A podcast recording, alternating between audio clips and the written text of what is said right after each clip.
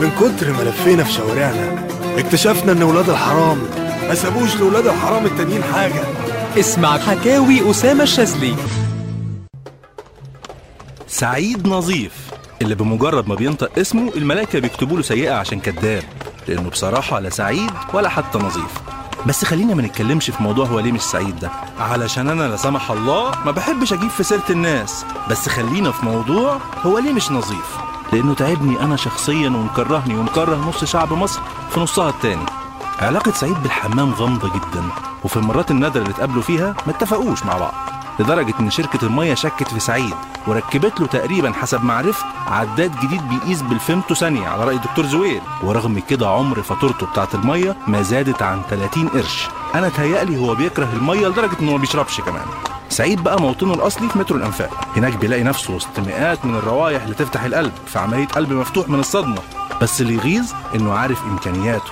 عمره ما فرقت معاه الزحمة. لأنه أول ما بيحس بالخطر وإن الناس هتزنقه كده هوب يروح رافع دراعه وماسك ماسورة المترو. ومصدر للناس باطه اللي هو خط دفاعه الأول. يحصل نوع من الصدمة والرعب لكل اللي حواليه تخليهم على الأقل يبعدوا من ثلاث لخمس خطوات. ولو كان المترو أوسع شوية كانوا يا فكيك سعيد طبعا عايش في البيت لوحده. لا حد بيزوره ولا بيزور حد. مين هيستحمله يعني؟ لأنه لما عاش مع باباه ومامته الأرجح يعني إنهم ماتوا من الريحة وكمان قبل ما يتولد. كانوا لما يسألوه في الفصل نفسك تطلع إيه لما تكبر؟ كان يسرح بخياله كده ويفكر ويقول بكل حب نفسي أطلع شجرة صبار. سعيد يا جماعة عنده مبدأ. أكيد هنختلف معاه فيه بس لازم نحترمه فمش لازم لو قابلتوه في الشارع يبان على وشكم القرف. علشان ما نجرحوش. وده طبعا هيفرق حسب التوقيت إذا كان شتاء ولا صيف. وطبعا الشتاء أرحم بكتير.